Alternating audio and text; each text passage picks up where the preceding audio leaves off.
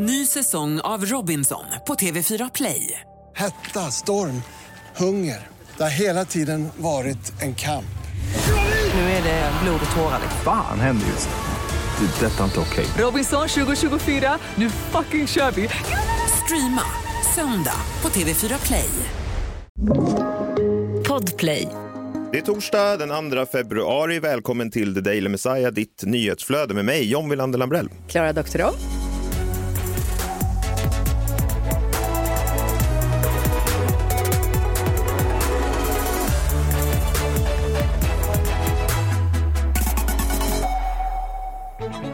Märker du någon skillnad på mig, Klara? Du har liksom lite backslick kanske? Nej, men jag tänker mer i min framtoning, i min uppsyn. Liksom. Nej. Nej. Du är pigg. Ovanligt pigg. Ja, men jag är lite pigg faktiskt. Jag har lite mer spring i steget idag, för det är ju torsdag. Jaha. Och torsdag är? Jaha, ja, torsdag är krimmorgon. Ja. Torsdag är krimmorgon och det är, vilken månad? Det är februari. Det är alltså inte vilken krimmorgon som helst. Det är tema februari. Olof Just. Palme mördades för snart 37 år sedan, tyvärr. Och eh, tyvärr också så har gärningsmannen aldrig gripits. Nej, eller... Ja, Eller får stå till svars för det han gjorde. Eller han grips ju inte, men han eh, ja, Ja. ansågs väl skyldig. Ja, det vet jag inte. Men Utan vi ska ju reda ut allt det här. Vi har ju fyra krimmorgnar på oss. Det är ju otroligt. Som vi bara ska prata Palme då hela februari. Jag ser Ja. mycket fram emot det. Ser du fram emot det, Klara? Men det är alltså bara på torsdagar vi ska prata Palme, inte varje dag. Eh, nu ska vi se, jag ska kolla schema. Det har jag Aha. inte signa upp för tror jag. Eller? Nej, vi tar... Ah, fan. ah, ja, torsdagar. Ja, men det är fyra torsdagar. Ja. Det är inte dumt. Ja, men det kan vi nog ändå överleva. Ja, och vi ska börja med ett spår som är lite bortglömt eh, faktiskt. I alla fall i vissa i kretsen, men vi kommer återkomma till det. Har det hänt någonting i världen idag, Klara? Ja, men jag läste här att Dr. Phil lägger av efter 25 år och det kanske bara är så att han ska gå i pension. Men det var ju inte riktigt det som jag blev förvånad över utan att det är att programmet går på någonting som heter TV8 och att TV8 fortfarande finns. är inte det märkligt? Ja, för det känns ändå som att TV8 har en Dr. Phil-publik. Ja, Alltså om det finns en TV8-publik så kollar ju den på Dr. Phil. men vad ska de kolla på nu? Och då eh, spår jag att när Dr. Phil lägger ner så kommer TV8 också att läggas ner. Nu vet ni vad ni hörde det först. Men det är väl det som kommer att ske under kommande år i alla fall. En annan eh, ja, kul nyhet vet jag inte om det riktigt är, men du kanske tycker den här är rolig. Det är så att i British Columbia har de nu från och med den sista januari avkriminaliserat kokain, meth, heroin och MDMA. Och lite andra sådana här Kanada? fentanylgrejer. Ja, precis. British Columbia i Kanada. Och det är lagligt nu att uh, ha på sig upp till 2,5 gram för personligt bruk. Med undantag då på förskolor och skolor. Då får man inte ha på sig 2,5 gram. Det är väl där man vill ha det. på en förskola. Alltså det är rätt otroligt. Ja, alltså de gör ju det här för framförallt vill man ju hävda att det här är ett hälsoproblem, inte ett eh, juridiskt problem att människor missbrukar. Och att det då ska vara liksom, tillåtet så att man söker hjälp om man har tagit en överdos eller liknande.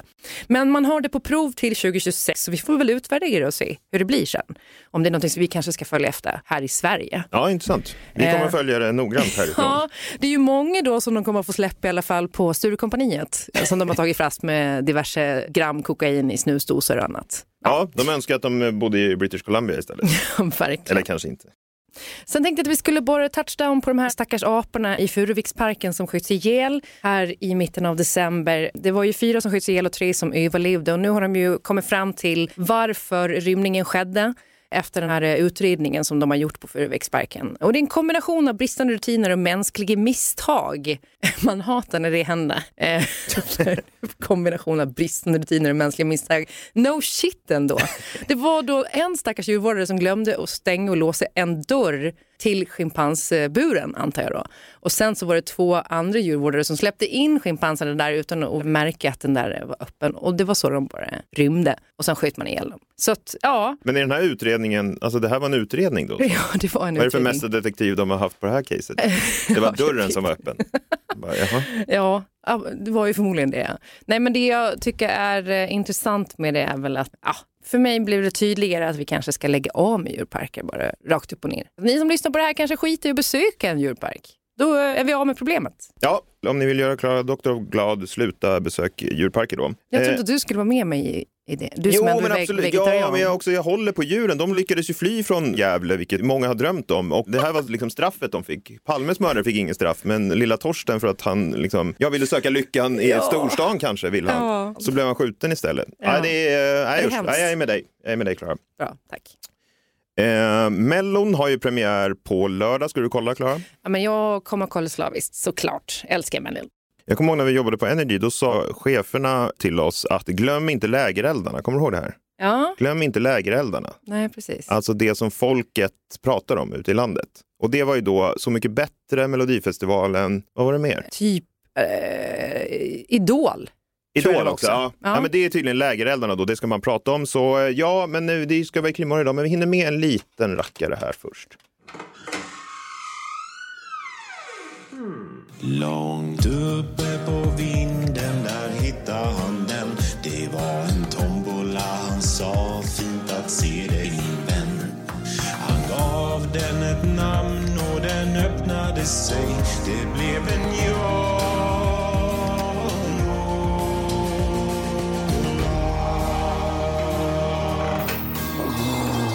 Ut på den. Vadå? Fan, skruvar man ner? Vad skruvar ni vadå? Inte ha det där slutet. Ett helt vanligt slut. Ja, men om man inte vill titta på Mellon på lördag då, för det är ju lite så, har man sett Melodifestivalen en gång så vet man ju vad man kan förvänta sig. Det är ju ungefär samma sak varje år. Så då tänkte jag, om man vill slippa se det så kommer jag här dra fyra saker att förvänta sig från Mellon. Som kommer hända nu på lördag. Ja, som kommer hända, i alla fall över de här fyra deltävlingarna eller vad det är. 1. Artisterna kommer fortsätta tro att det handlar om texten när Det handlar om melodin! Lyssna här bara. Här är några då artister som beskriver sina bidrag. Då. Jon Henrik Fjällgren. Den här låten handlar om när man saknar någonting väldigt mycket men kan inte nå det fysiskt. Eh, säger han om bidraget Where You Are, Save Sun. Det är väl nog jokkmokkska.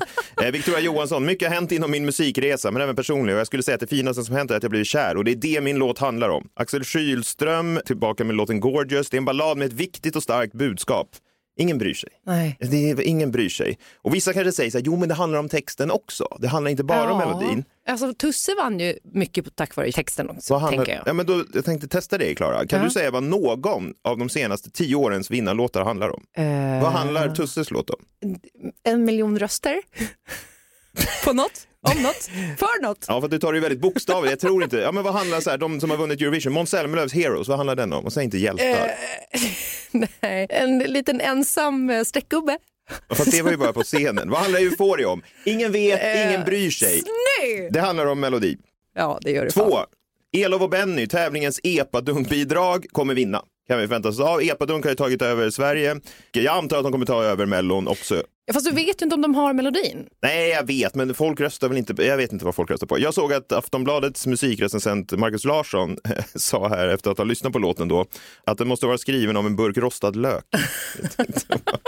Låter Men ändå... vad betyder det Nej, jag vet inte, men det får ju en att vilja höra låten lite grann i alla fall. Ja, rostad lök är gott. Vad kan man mer förvänta sig av Melodifestivalen då? Tre, mellanakterna kommer fortsätta att vara konstiga. Ja. Jag ska läsa här. Nu kan Expressen Nöje berätta att mellanakterna i den första deltävlingen kommer bjuda på en hel del spänning och dramatik. Öppningsnumret i Göteborg står cirkusen Brasiliac för. Oj, det var ju där jag eh, träffade den här mongolen som jag blev kär i när jag var barn. Kommer du ihåg när jag berättade? Det var ju på Brasiliak. Det är också en mellanakt ingen har bett om. Solongo hette han. Ja, här, just det, som vi efterlyste. Ja. Ja. Kom han fram? Nej. Han hörde aldrig av sig. Nej, jag undrar om han lever. Nej, jag tror Känns som att han är död i något fentanylmissbruk.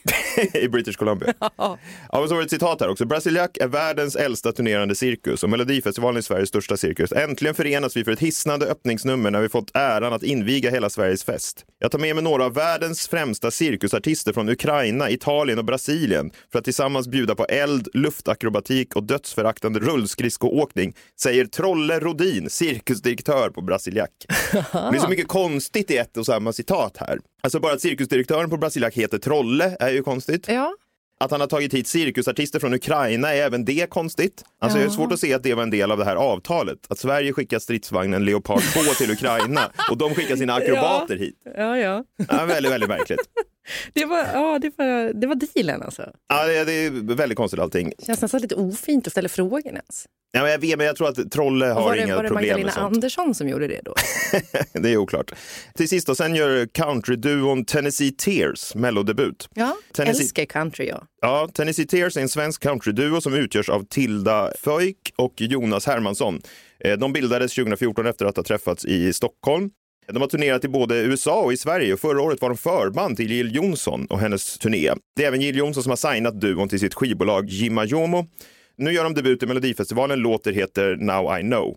Fyra, Tennessee Tears kommer att komma sist. Ja, Kanske. Mellon har premiär i helgen och allt är som vanligt.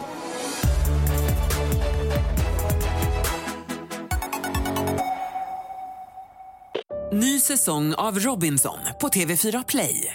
Hetta, storm, hunger. Det har hela tiden varit en kamp. Nu är det blod och tårar. liksom. Fan händer just nu. Det. är Detta är inte okej. Robinson 2024, nu fucking kör vi! Streama söndag på TV4 Play. Ett poddtips från Podplay. I fallen jag aldrig glömmer djupdyker Hasse Aro i arbetet bakom några av Sveriges mest uppseendeväckande brottsutredningar. Går vi in med hemlig telefonavlyssning och, och då upplever vi att vi får en total förändring av hans beteende. Vad är det som händer nu? Vem är det som läcker?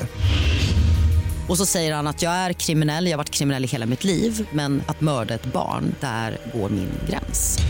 Nya säsongen av Fallen jag aldrig glömmer på Podplay.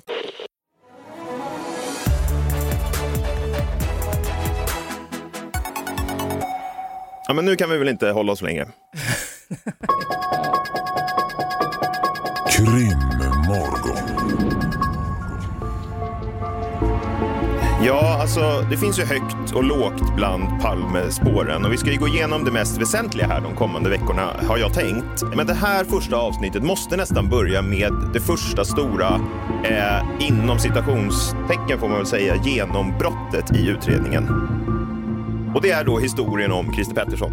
Mm, vi börjar där, Ja, i den vi, änden. vi börjar där och jag kommer återkomma till varför vi måste börja där, för det måste vi. Men vi börjar från början. Mm. Christer Pettersson dök upp i utredningen på riktigt två år efter mordet på Palme 1986. Han hade befunnit sig i området och i stan och lite sånt där. Det fanns liksom inga bevis mot honom, egentligen fanns ingenting. Han plockades in direkt i ett konfrontationsförhör med Lisbeth Palme som säger då att eh, Lisbeth Palme har pekat ut Christer Pettersson i en sån här lineup då. Men i de första förhören liksom direkt efter mordet, då säger ju Lisbeth Palme att hon inte hade sett mördarens ansikte. Så det är ju lite märkligt då redan från början. Det tyckte även jag då, jag var inte så gammal då, men jag, jag kommer ihåg att jag tyckte att det där låter inte rätt. Vadå, du var typ tre år? Ja, precis, men jag tänkte ändå att det där låter inte rätt. Nej, nej, nej. Men Christer Pettersson, vem var han då? Jo, han hade gått på Kalle Flygares teaterskola Jaha. eh, i Stockholm då, där ägaren... Alltså han eh, var estet från början? Ja, ja, absolut. Eh, Och ägaren då av Kalle Flygare, det är väl herr Flygare han själv då, hade sagt att Christer Pettersson var hans bästa elev någonsin. Jaha. Och han sa att han har en stor framtid då inom teatern. De sa att han var väldigt bildad och hade ett brett eh, ordförråd bland annat. Vi kan höra ett exempel här med Christer Pettersson när han gör sig redo för att ge sig ut på stan. Får man en glimt av det här ordförrådet. Marsvinkorsning, barnförlossning. Ja, nu går vi till centrum. Var det Rotebro då han var på väg till? Rotebro Eh, centrum? ja, jag tror det. eh, kanske. Idag skulle han ha åkt till British Columbia istället. Kanske. Ja, ja, Eh, han blir dömd i tingsrätten året därpå, helt på Lisbets vittnesmål. Men det många kanske inte känner till, det är ju att juristerna i rätten ville fria. Alltså tingsrätten bestod av då två jurister utbildade i straffrätt och tre så kallade nämndemän. Och nämndemän, det är ju alltså helt vanliga människor. Ja, det är som en amerikansk jury typ. Ja, exakt. Det skulle kunna vara typ Samir och Viktor. Det är de som alltid fuckar upp alltså. Ja, såklart. Och de ville fria, de två eh, utbildade i straffrätt, medan Samir och Viktor och deras tredje kompis då ville döma. Men eh, fallet överklagades ju såklart till högre instans, först till hovrätten och sen så småningom till högsta domstolen i en resningsansökan. Och i dem friades han helt, för där är det lite mer ordning och reda. Så han blir helt frikänd, Christer Pettersson, och då firar han med en drink som ska komma att bli smått legendarisk och som serverades på Café Opera redan samma kväll när han blev frikänd. Eh, Och det är alltså den här drinken, har du druckit den Klara? Det är hälften Explorer, hälften Baileys. Den här Ja. kaffelikören. Ja, den är hemsk. För han hade ju då de två flaskorna liksom med sig när han skulle fira då att han hade blivit frikänd. Eh, den får namnet en Petterssonare eller en dräpare. Ja. När han sen blir friad från, eh, åklagaren begär ju resning sen till högsta domstolen. Även där blir han ju då eh, till slut helt friad då, många år efter. Och då tog Christer Pettersson emot beskedet så här. Tack gode Gud för det. Lovad vare Herren. Han är stor utöver Israels gränser. Pikt, otroligt. Han hade eh, också avgett ett löfte att han inte skulle dricka mer innan. Jag vet inte hur det gick med det. Nej, jag tror inte att det gick så bra. Va? Men under åren här i kring dyker det upp lite nya teorier. En är den så kallade förväxlingsteorin. Har du hört talas om den här Klara? Alltså att Christer Pettersson tog fel. Att han skulle ha mördat Palme för att han trodde Palme var någon annan. Ja, och att, Ja, men den har jag nog läst om. att han skulle trott att Palme egentligen var knarkhandlaren Sigge Cedergren. Ja. Som bodde på Tegnérgatan en bit från mordplatsen och hängde lite i de här kretsarna då som Christer Pettersson brukade köpa knark av och sådär. Och det här blir en ganska populär teori, tro det eller ej. TV4 gör en hel dokumentär om det som heter Satans mördare som sändes då på primetime på 90-talet. Och här i slutet, alltså vi ska lyssna på klipp från den här dokumentären och i slutet då så sammanfattar Christer Petterssons vän Harry den här teorin. Och han lägger fram då det stora beviset för varför det skulle ligga till på det här sättet. Tänk på en sak. Sigge och Olof Palme är jävligt lika. Tänk på det. Både till utseende och klädsel. Tänk på det.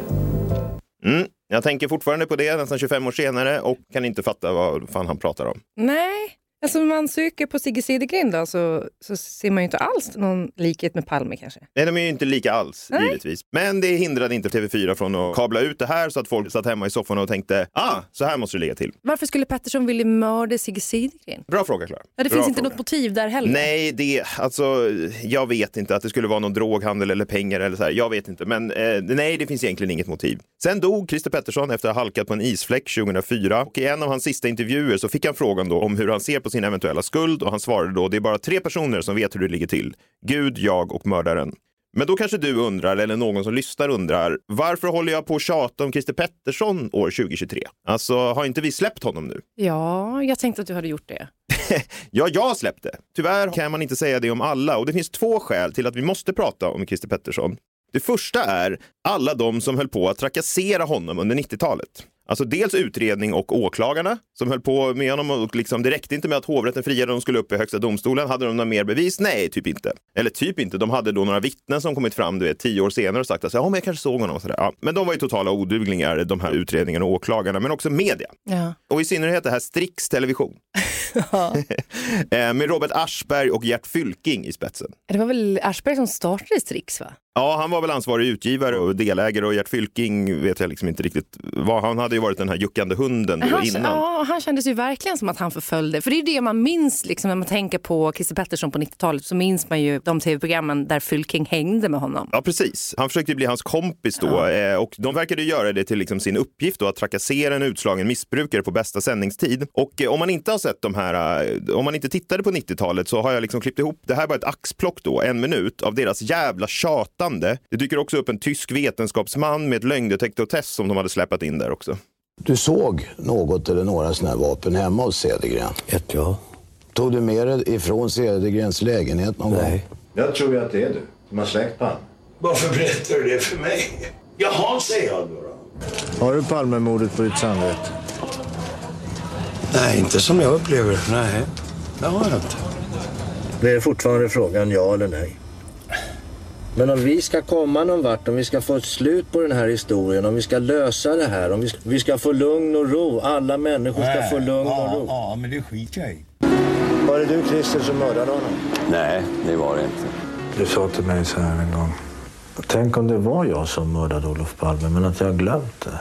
Nej, det har jag ta mig fan inte. Jag bestrider. Där lägger ord i min mun. Jag vet väl att jag inte har mördat Olof Palme. Du går förbi biografen Grand. Där ser du Palme gå in på bion. Du har motivbilden klar för dig. Hade du på kvällen den 28 februari 1986 mordvapnet i din hand? Nej. Det är inte frågan om att jag ska sätta fast en mördare. Det är inte frågan om att jag eh, ska förhäva mig på Kristers bekostnad. Jo, det var precis vad det var frågan om, Gert Fylking. Det var precis vad det var frågan om. Det var därför ni höll på med det här. Ni fick aldrig stå till svars för det. Nej. Ni fick Det aldrig- fick de ju aldrig. Nej, det fick de ju aldrig. Och eh, Robert Aschberg är ju idag ordförande i Publicistklubben såg jag, vilket, eh, ja, det finns någon ironi i det. Det var det ena skälet till att vi måste prata om Christer Pettersson. Det andra skälet är att det faktiskt finns folk fortfarande som tror att det var han som Ja, mördade Palme. mina föräldrar har nog trott det väldigt länge. Och Ja. tänkte så här, ja men ingen rök utan eld. Vadå, Lisbeth Palme pekade ju ut honom. Alltså, det- Ja men jag vet! Nej, men jag, det jag, säger- nej, men jag säger det ingenting som om- folk är mest. Ja, liksom. och när man satt på 90-talet och tittade på tv så trodde man ju det. Ja. Och jag var ju med min pappa då. Christer Pettersson hängde ju lite grann i, de här, liksom i Stockholm då. Jag kommer ihåg min pappa vi gick in när jag var liten och då pekade han på Christer Pettersson när han satt där vid någon tunnelbana och sa det här är Palmes mördare. Han gjorde det? Ja, men min pappa får stå till svars för det i alla fall. Hur jag många gånger har du tagit upp det här Ja, med det honom? är många jular har blivit förstörda, men skitsamma.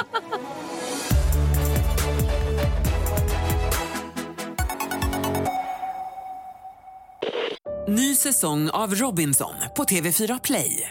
Hetta, storm, hunger. Det har hela tiden varit en kamp. Nu är det blod och tårar. liksom. Fan händer just det. Det är detta inte okej. Robinson 2024, nu fucking kör vi! Streama söndag på TV4 Play. Ett poddtips från Podplay. I podden Något Kaiko garanterar östgötarna Brutti och jag, Davva, dig en stor dos skratt. Där följer jag pladask för köttätandet igen. Man är lite som en jävla vampyr. Man har fått lite blodsmak och då måste man ha mer. Udda spaningar, fängslande anekdoter och en och annan arg rant. Jag måste ha mitt kaffe på morgonen för annars är jag ingen trevlig människa. Då är du ingen trevlig människa, punkt. Något Kaiko, hör du på Podplay. Därför är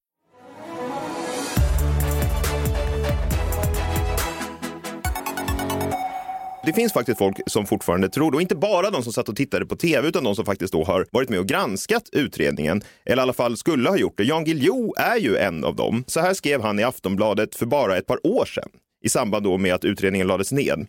Han skrev så här. Just där har vi den avgörande skillnaden i förhållande till Christer Pettersson. Mot honom fanns rätt mycket konkret bevisning. Tillräckligt för att få honom fälld i första instans, tillräckligt för att åklagarna några år senare ansåg sig ha fått så mycket nytt material att de begärde resning och en ny rättegång. Så skrev då Jan Guillou. Det är så ofattbart dumt. Alltså att säga att det fanns mycket konkret bevisning, det är liksom, Nej. det fanns det inte. Och hur kan han sitta och säga det alltså för två år sedan? Ja, vad är det han syftar på då, tror du?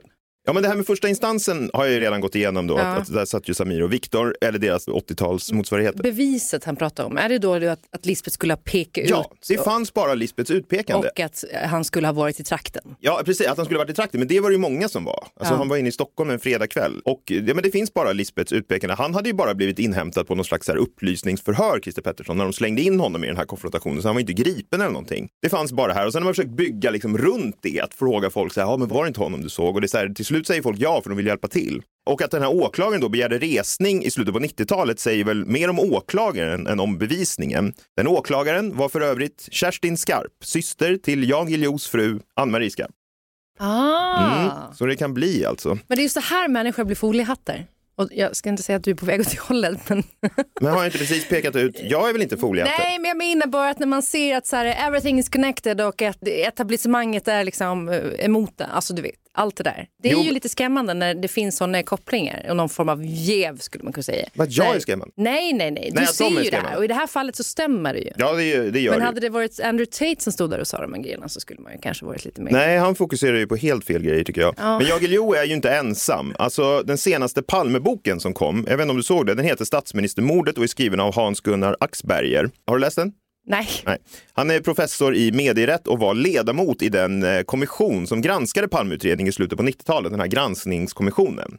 Så han är ju verkligen insatt i utredningen. Hans bok då, Statsministermordet, var nominerad till Augustpriset förra året och vann då Stora fackbokspriset. Mhm. Vilket, det är ändå ett stort pris. Ja, verkligen. Det stora, det är inte det lilla fackbokspriset, det är det stora fackbokspriset. Ja, ett Augustpris är ju otroligt fint. Och fackbok, det, det liksom hintar väl om att det ska finnas någon slags, alltså det är inte Fakta, fiktion, ja, nej. liksom lite så. Men vad skriver han i sin bok då? Ja, han skriver bland annat.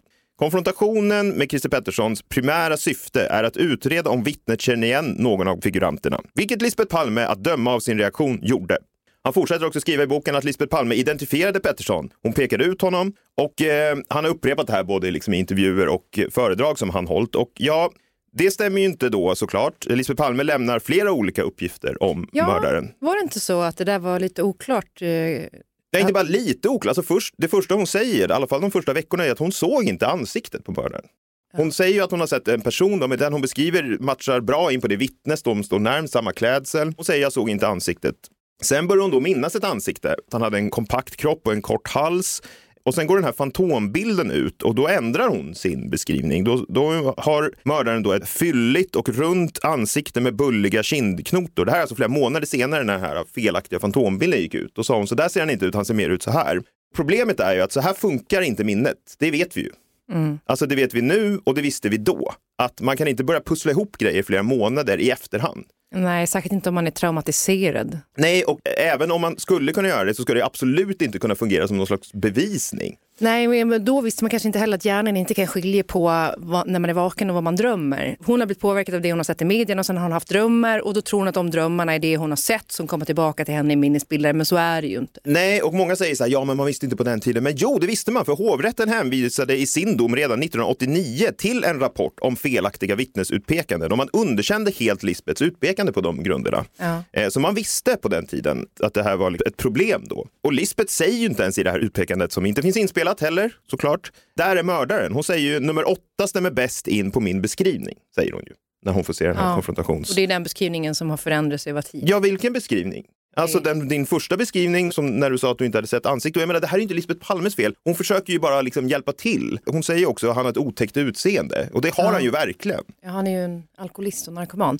Inte för att jag säger att alla de ser otäcka ut, men ganska många gör det ändå. Ja. Men det jag skulle bara fråga om Lisbeths eh, vittnesmål där. Hur långt efter gav hon sitt första vittnesmål? Alltså hon ger det ju samma natt. Så Samma säger hon natt, att hon inte ja. har sett ansiktet. Nej, precis. Och det sen är ju det att jag efter. skulle ha köpt. Alltså det är ju det man måste gå på. Det är det jag. man måste gå på, ja. Och hon säger ju, precis som du sa, alltså hon säger också, det ser man vem som är alkoholist, det är nummer åtta. Och det är liksom inte ett utpekande. För då har ju någon innan sagt, alltså gett henne någon information som gör att hon... Ja, hon visste att de hade plockat in en alkoholist, Alkoholist, från Rotebro. ja. På tal om det då, så 2020 formulerade en expertgrupp inom då The American Psychological Association nio rekommendationer för hur vittneskonfrontationer bör genomföras. I USA så är det då att om polisen bryter mot en av de här rekommendationerna, alltså en av nio, Ja. då kan man liksom helt ifrågasätta det här utpekandet, helt stryka. Det måste uppfylla de här kriterierna. Hur många av de rekommendationerna klarade Pettersson-utpekandet, Klara?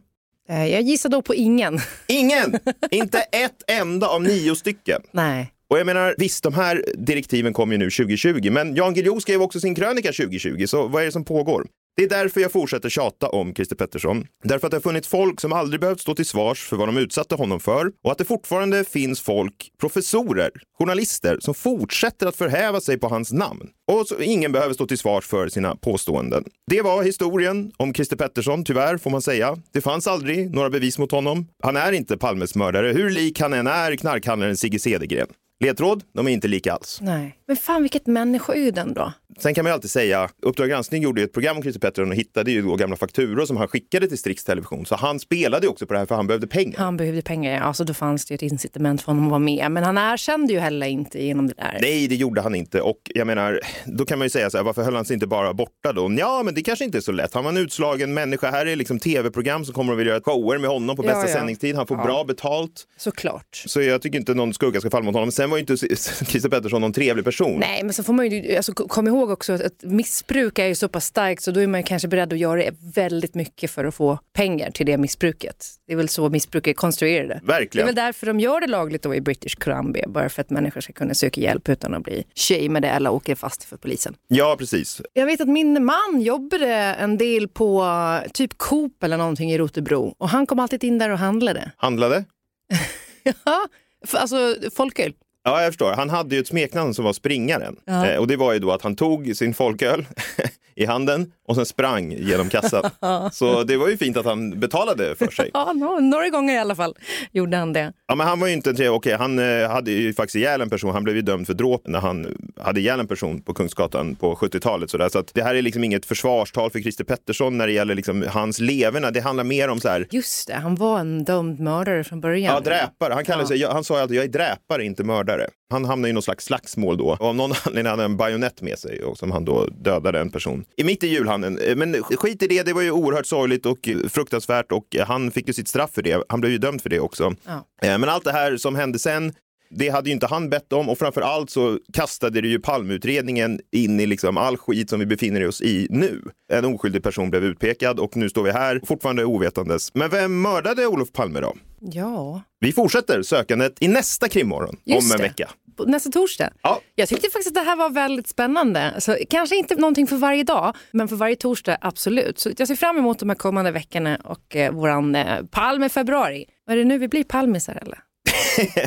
Är det ett uttryck? Jag tror det. Palmisar? Eller Ja. vi, kan, vi, vi bestämmer oss. Jag kan inte skoja bort det när det handlar om mord. Det, det tycker jag ändå är viktigt. Jag var fullt allvarlig faktiskt. Ja, men det är ändå en vecka kan ha kvar. t-shirts.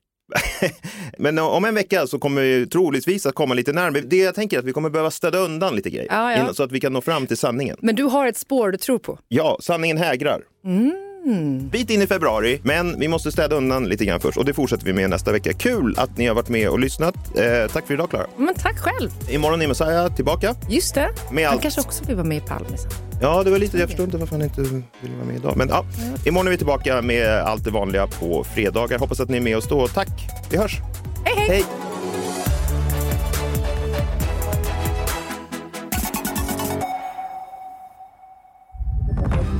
Podplay, en del av Power Media. Ny säsong av Robinson på TV4 Play. Hetta, storm, hunger. Det har hela tiden varit en kamp. Nu är det blod och tårar. Fan händer just nu. Det. är Detta är inte okej. Robinson 2024, nu fucking kör vi! Streama söndag på TV4 Play.